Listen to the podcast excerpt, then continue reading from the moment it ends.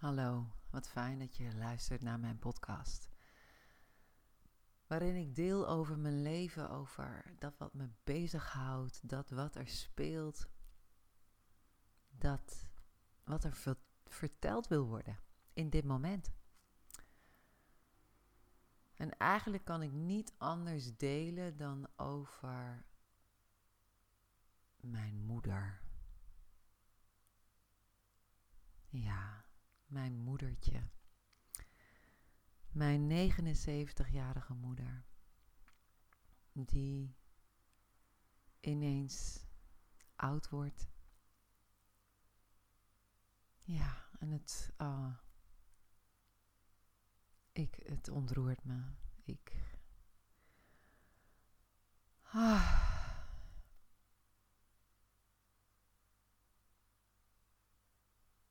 Ja, dat is. Ik weet niet, uh, ik weet niet hoe oud jij bent en uh, hoe oud jouw ouders zijn, of je ze nog hebt. Um, maar ineens is mijn rol als dochter aan het verschuiven. Ja, niet ineens, want ik, ik deelde alles eerder over mijn moeder en uh, waar ze in is terechtgekomen. Maar het, wordt, het is deze week nog nadrukkelijker dan, dan ooit. en um,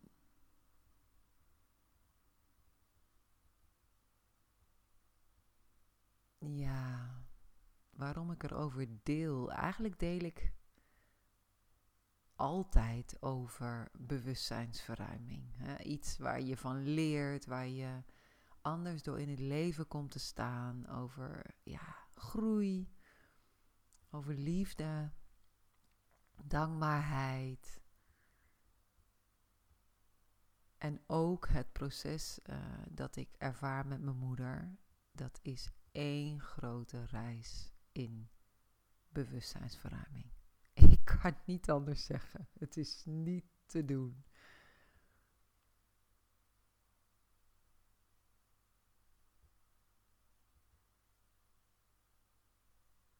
Ja, mijn moeder is um, een hele lieve, zachte, warme vrouw. En tegelijkertijd ook een onzekere, angstige, kwetsbare vrouw. En het huwelijk met mijn vader heeft dat ja.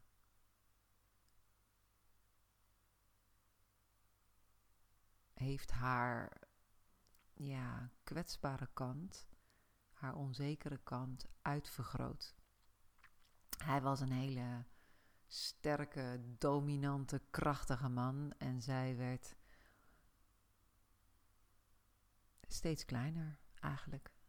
Totdat ze het niet meer pikte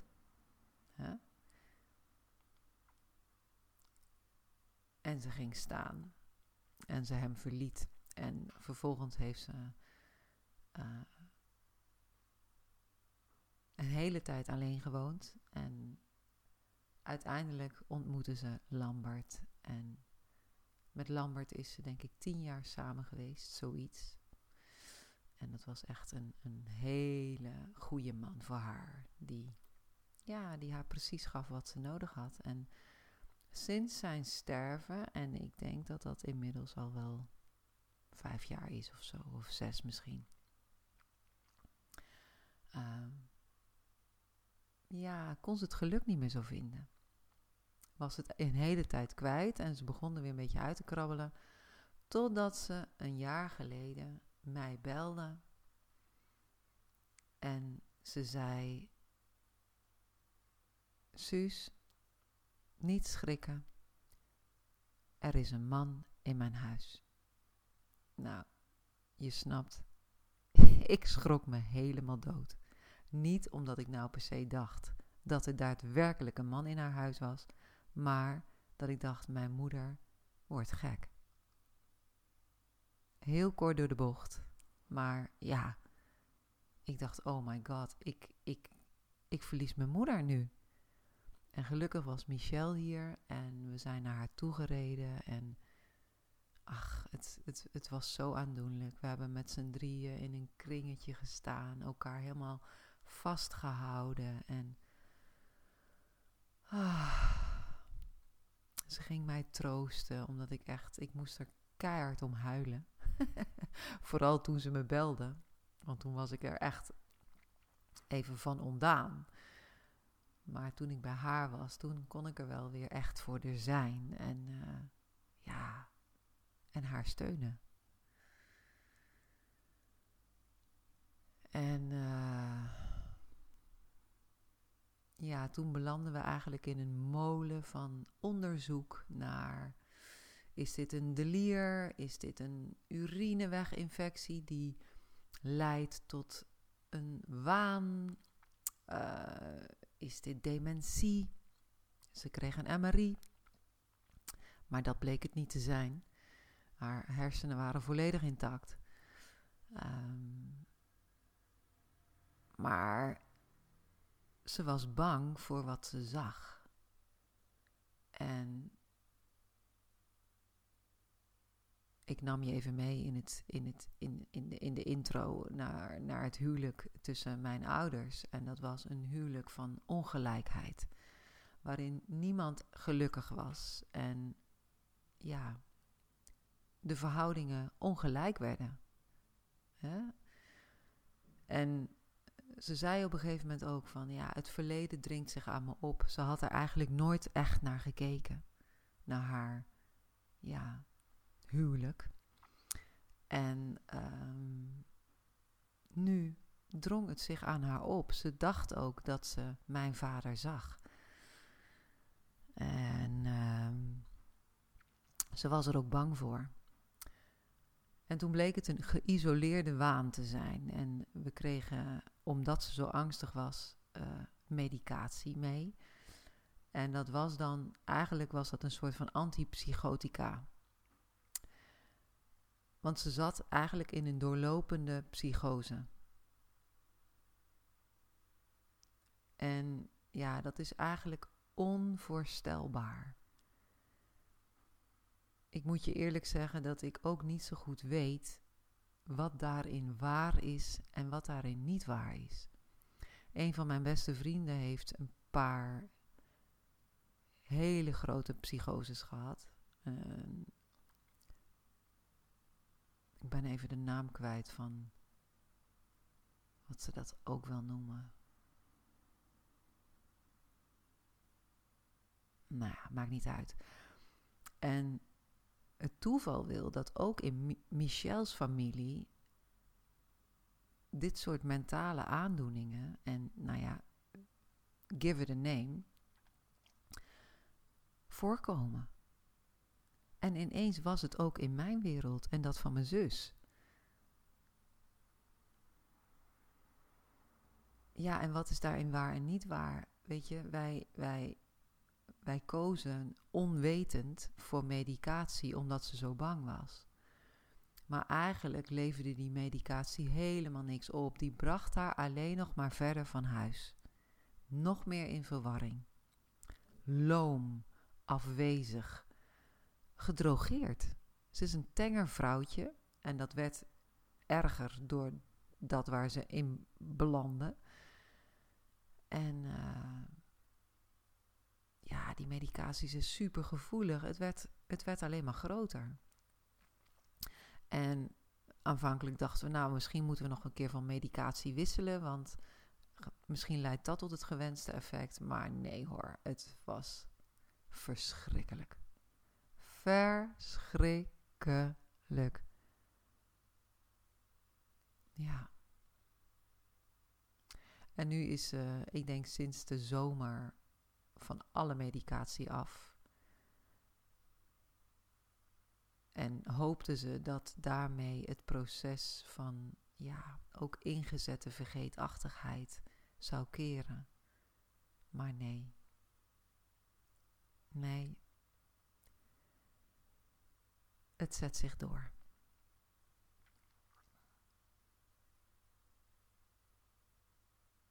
Ja, en dat is een heel apart proces. Dat je enerzijds uh, de zorg voor je moeder groeit, hè, die neemt toe. Je wordt een soort mantelzorger. En ook mijn liefde voor haar neemt toe. Want kijk, bij dat mantelzorgen zijn, dat, dat, is natuurlijk niet altijd leuk. Hè? Dat kun je je voorstellen. Gisteren had ik er, nou, ik denk wel vijf keer aan de telefoon. En, nee, misschien overdrijf ik nu, maar ik heb in ieder geval wel minstens zeven telefoontjes voor en om haar gepleegd, waar zij deel van was de praktijk ondersteunen van de huisarts, de buurtzorg, de hulp in de huishouding, iemand die bij haar op de koffie zou gaan. Oh my god. Oh. Dus er is de rol van mantelzorger, die leidt tot andere verhoudingen. Er is ook, dus ik pak weer even terug waar ik gebleven was, er is ook ja, de groeiende onschuld van haar. De groeiende teruggaan naar een soort van, ja.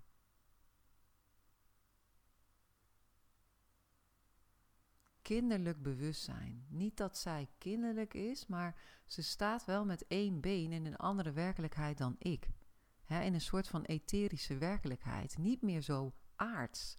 Ook al is het een onwijs doenerig mens. Hè. Ze sport, ze, ze breidt, ze zit bij yoga en zwemmen en fietst.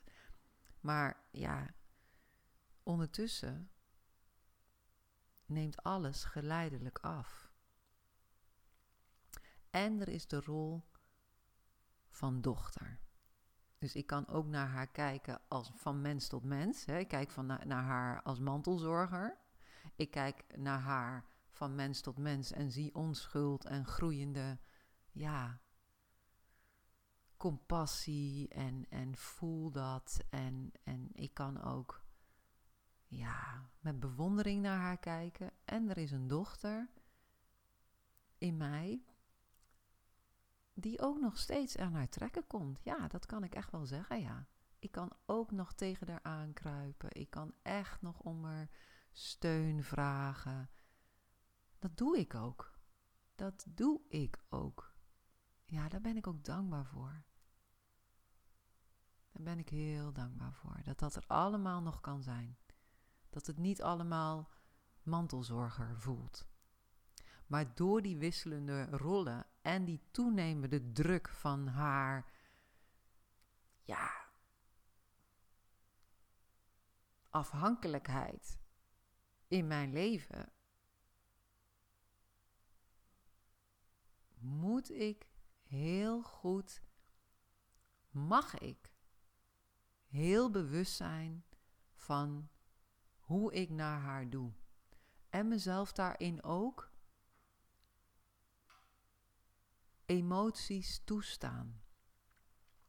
Want gisteren bijvoorbeeld, ja, je zult wel denken, nou ja, misschien denk je het wel helemaal niet. Ik neem je gewoon even mee in de wereld van waar het dan over gaat. Het gaat over hele grote dingen. Van ik ben gevallen en ik kan niet meer lopen. Tot, Suus, de, het rolgordijn is nu naar beneden gevallen. En wat nu? Dan sta ik mezelf ook toe om af en toe een grens te stellen. Van mam, hier hoef je me niet over te bellen. Er komt zo meteen iemand bij jou langs. En dan kun je dat met diegene even afstemmen. Oh ja, ja, nee, dat is ook zo. En natuurlijk is het een verlangen om aandacht. Natuurlijk is het een behoefte aan contact. Ik begrijp het allemaal, maar ik heb ook nog een ander leven.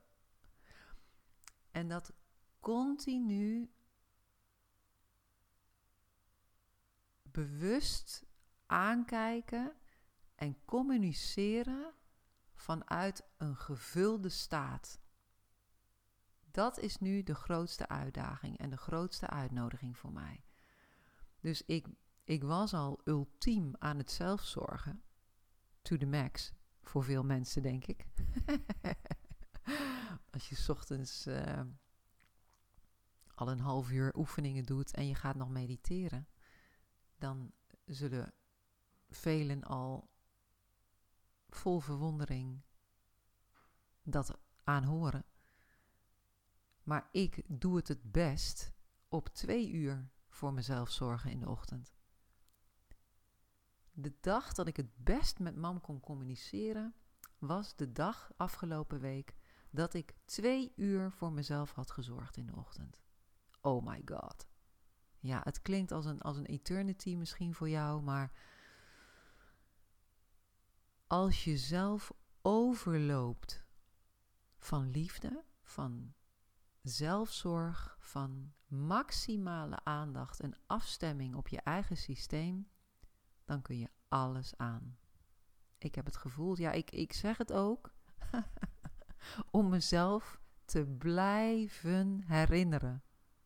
Te blijven herinneren. Suus, laat je niet door je brein, zoals vanmorgen, ik werd vier uur wakker. En iets in mij wist al dat ik niet meer zou kunnen slapen.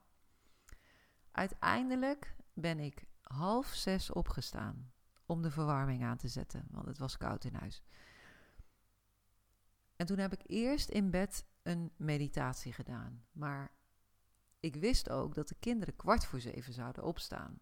Wat maakt dat ik eigenlijk maar een uurtje heb voor mezelf. Te kort.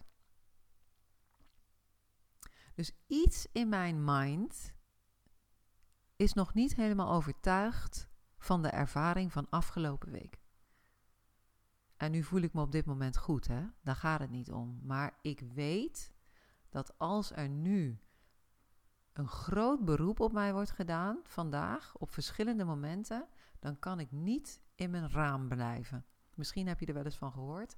Het raam van verbindende communicatie. Dat als je in dat raam kunt blijven, stel je een raam voor. Misschien beluister je deze podcast terwijl je in je huiskamer zit en je kijkt uit een raam. En je ziet, oké, als ik in dit raam zit, dan betekent dat dat ik bij mezelf kan blijven en verbindend kan communiceren. Niet ga judgen. Niet ga projecteren. Niemand ergens de schuld van ga geven. Want uiteindelijk is alles wat ik voel van mij. En als ik buiten dat raam ben, dus ik ben op het kozijn of zelfs op de muren of uh, nog verder daarvan vandaan, dan kan ik niet meer helder kijken. Ik kan niet meer helder communiceren. Ik kan niet meer in mijn hart blijven. Ik kan niet meer in liefde blijven. Het is de kunst om jezelf niet te veel te judgen als je daar vertoeft en vanuit daar communiceert. Dat is natuurlijk weer een ander verhaal. Maar je hebt voorzorg, zorg en nazorg. en die voorzorg, ja, die gaat echt over mezelf tot overlopends toe vullen met zelfliefde in de ochtend en gedurende de dag. Als we het hebben over zorg, dan gaat het erom dat ik ook, als ik het dan heb over mama, in een gesprek mijn grenzen aan kan geven. En als ik er overheen ga, en zij kan dat ook heel goed duiden, dat is wel heel leuk hoor. Dan zegt ze: Suus, ik vind dat, nu niet zo, ik vind dat je nu niet aardig doet. En dan kunnen we het in dat moment oplossen. Als ik mijn emoties door ben. en zij ook. Maar zij is goed in niet oordelen hoor. Bewondering heb ik voor haar. Wauw. Dat zegt Evie, mijn dochter, ook altijd. Oma, ik bewonder oma omdat ze niet oordeelt over anderen. Wauw. Ja, dat is een feit. En nazorg is dat als het dan toch een keer uit de hand loopt, dat je erop terugkomt. Dat kan altijd. Daar kunnen mijn kinderen wel eens moe van worden. Mama, je hoeft niet overal op terug te komen. Niet dat ik nou overal op terugkom of dat ik dat altijd doe of dat dat nou heel vaak gebeurt. maar toch, ik gun het mezelf dat ik erop terugkom. En dat gun ik die ander ook. Dat wil ik ook iedereen meegeven. Ook mijn moeder. Ja. En nu is ze dus afgelopen zaterdag uitgegleden. Over de sprei. In een split. Dus je snapt dat ze veel pijn heeft. En dan ben ik zo dankbaar voor alle hulp die opstaat, voor de, ja, voor de familie en de, en de omringende cirkel die ja, de beweging voelt om te supporten, om er te zijn, zodat wij het niet alleen hoeven te doen, Sil en ik.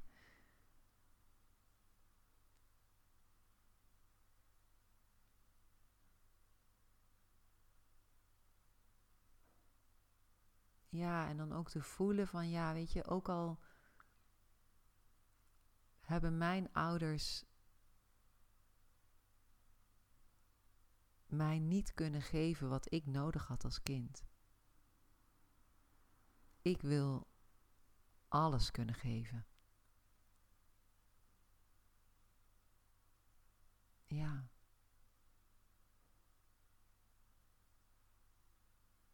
Absoluut.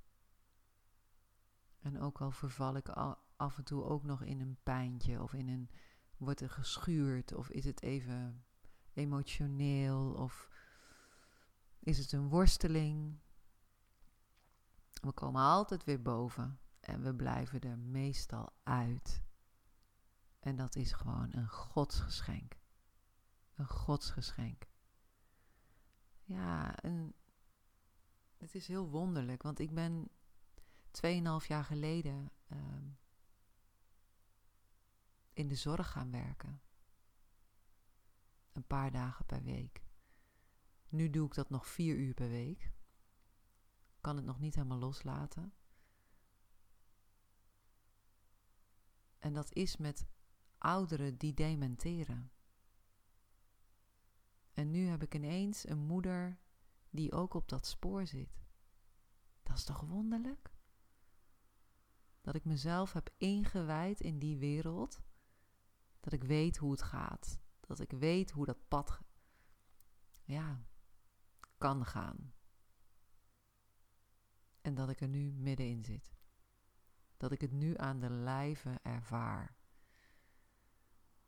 Want die ene waan, dat zijn er ineens wel drie of vier. En het wordt steeds reëler. Het is steeds meer gewoon de waarheid voor haar. Ja, dat is zo.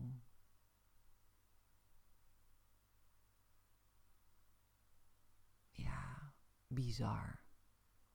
En tegelijkertijd een uitnodiging om bewuster en bewuster en bewuster te worden. Het niet te ontkennen. Haar dus niet te ontkennen. Ja, maar er gewoon te zijn. Te zijn ja, wie ik ben.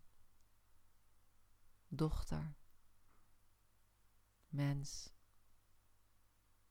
mantelzorger. Ziel op reis. Haha, ja.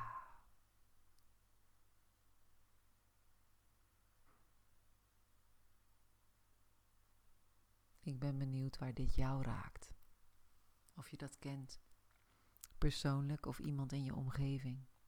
Misschien kun je vandaag wel eens iemand bellen of aan iemand denken of iemand een hart onder de riem steken die ook op dit spoor zit. Want het is intens. Het is super intens. Zeker voor degene die er middenin zit, degene die dit ondergaat een waan, dementie, mentale achteruitgang. Ook voor mantelzorgers is het intens. Ja, het is gewoon fijn. Om er voor elkaar te zijn. om je een deel te voelen van een community om iemand heen. En dat kan zo klein zijn: een kaartje, een bloemetje, een bezoekje, een telefoontje, een hart onder de riem. Ik wil je van harte uitnodigen om een beetje liefde te verspreiden. In deze donkere dagen voor kerst, of misschien hoor je dit wel in de lente. en dan is dat de uitgelegen kans. Uitgelezen kans. Nou, lief mens, bedankt voor het luisteren. Bedankt dat je er weer was. En uh, geniet van alles.